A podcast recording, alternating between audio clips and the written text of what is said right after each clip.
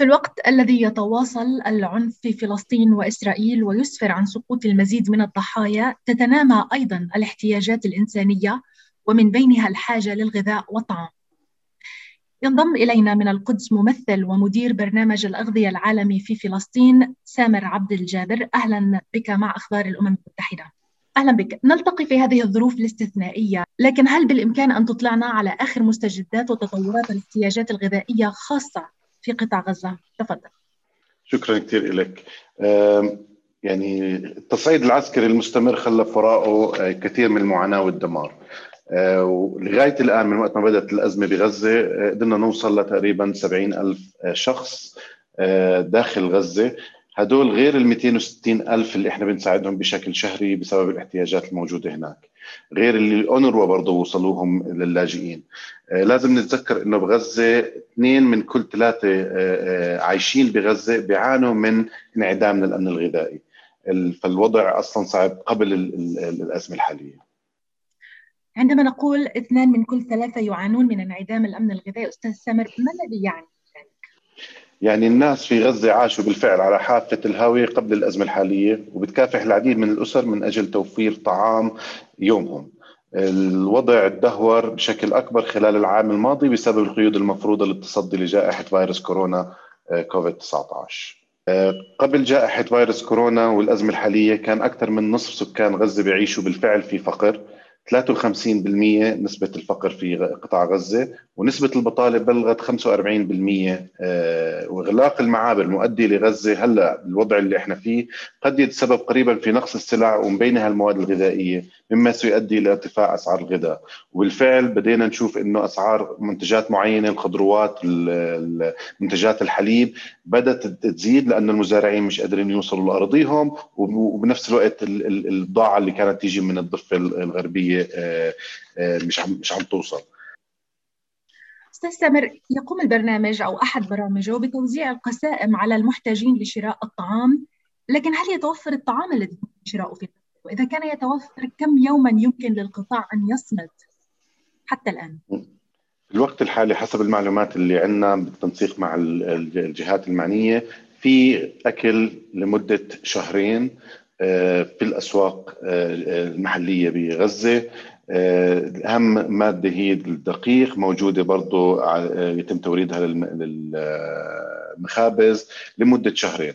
المشكلة الرئيسية هي آلية الوصول للمستفيدين لهاي المتاجر اللي موجودة. إحنا كبرنامج اغذيه العالمي آه، عندنا علاقات مع وشراكات مع 200 آه، محل داخل قطاع غزة فبنوزع قسائم آه، إلكترونية والناس بروحوا على أقرب مكان لهم حتى لو اضطروا للنزوح بيروحوا على محل القريب لهم لمكان نزوحهم وهكذا. وبنفس الوقت تواصلنا تعاقدنا مع تقريبا 17 أو 18 آه، مخبز في أنحاء القطاع المحافظات الخمسة.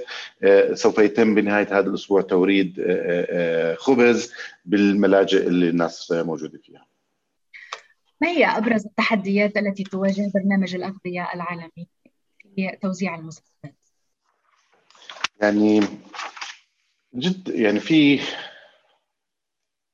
دعم طبعا يعني الدعم لعمليات برنامج الأغذية العالمي قبل الأزمة الحالية آه، كان صعب. يعني احتياجاتنا من ناحية السيولة آه، قبل الأزمة حتى نقدر نكمل عملياتنا نوصل ل 435 ألف بالشهر.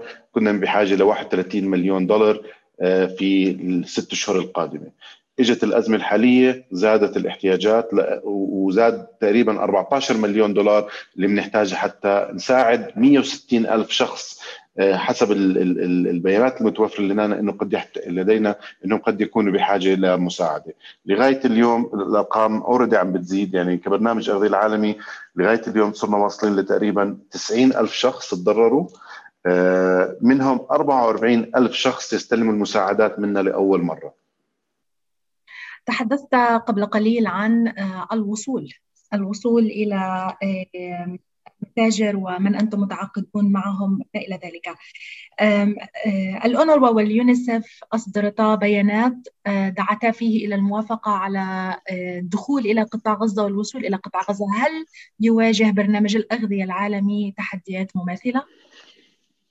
طبعا برنامج الأغذية العالمي بيشتغل بالشراكة مع اليونيسف ومع الاونروا واوتشا على على اتصال دائم إحنا الثلاثة أو الاربع شركاء مع السلطات المحلية والسلطات الإسرائيلية لتنسيق عملية الدخول للمعابر. امبارح كان في بادرة أمل كنا كلنا متحمسين إنه رح نقدر ندخل المساعدات ولكن صار في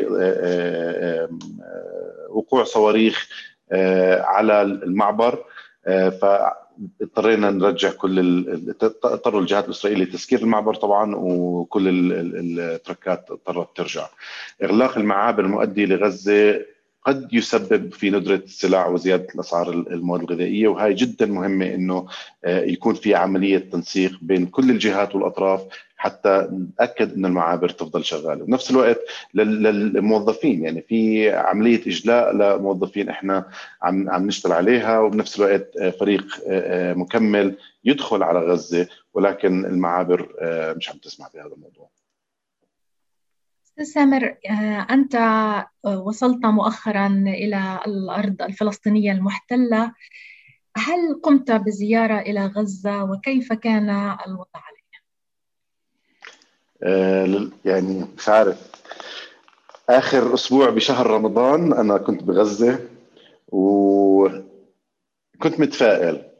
يعني مع كل الصعوبات الناس كانوا مارين فيها قبل شفت شباب طموح شفت شباب عنده قدرة آه، التحمل والإرادة ولمستقبل أفضل. آه، طبعا هاي بالنسبة لنا ميزة كتير كبيرة لأنه لولا هذا الطاقة الإيجابية اللي موجودة مش رح نقدر نشتغل ونساعد بالفترة الحالية. آه، عم بشوف فريق جدا قوي. ناس مؤمنين بإنهم لازم يعمل عمل الخير والعمل الإنساني مهم جدا.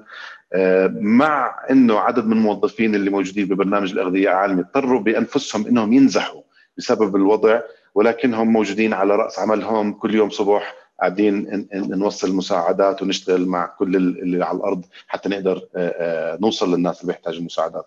فبقول لك يعني خلال فترة بسيطة أشوف التناقض اللي موجود في أمل ولكن هلأ بشوف إنه الوضع جدا سيء وراح يكون اسوء هل لديك من كلمة أخيرة أو رسالة تود أن توجهها. طبعا يعني نحن نطالب الجميع بضبط النفس ونتطلع لوقف إطلاق النار. هذه ظروف صعبة يعيشها تعيشها المنطقة ونطالب المجتمع الدولي بإيجاد حل سياسي للأزمة الإسرائيلية الفلسطينية. وطبعا آخر شيء طبعا برنامج الاغذيه العالمي آه، آه، بحاجة للدعم لأن الغذاء هو أكثر الاحتياجات الحاحا في الوقت الحالي والطريقة الأسرع والأكثر فعالية هو تقديم مساعدة النقديه الغذائية. نستطيع التعامل مع الأزمة بصورة سريعة إذا توفر لدينا النقد المادي. أشكرك جزيل الشكر سامر عبد الجابر مدير وممثل برنامج الأغذية العالمي في فلسطين.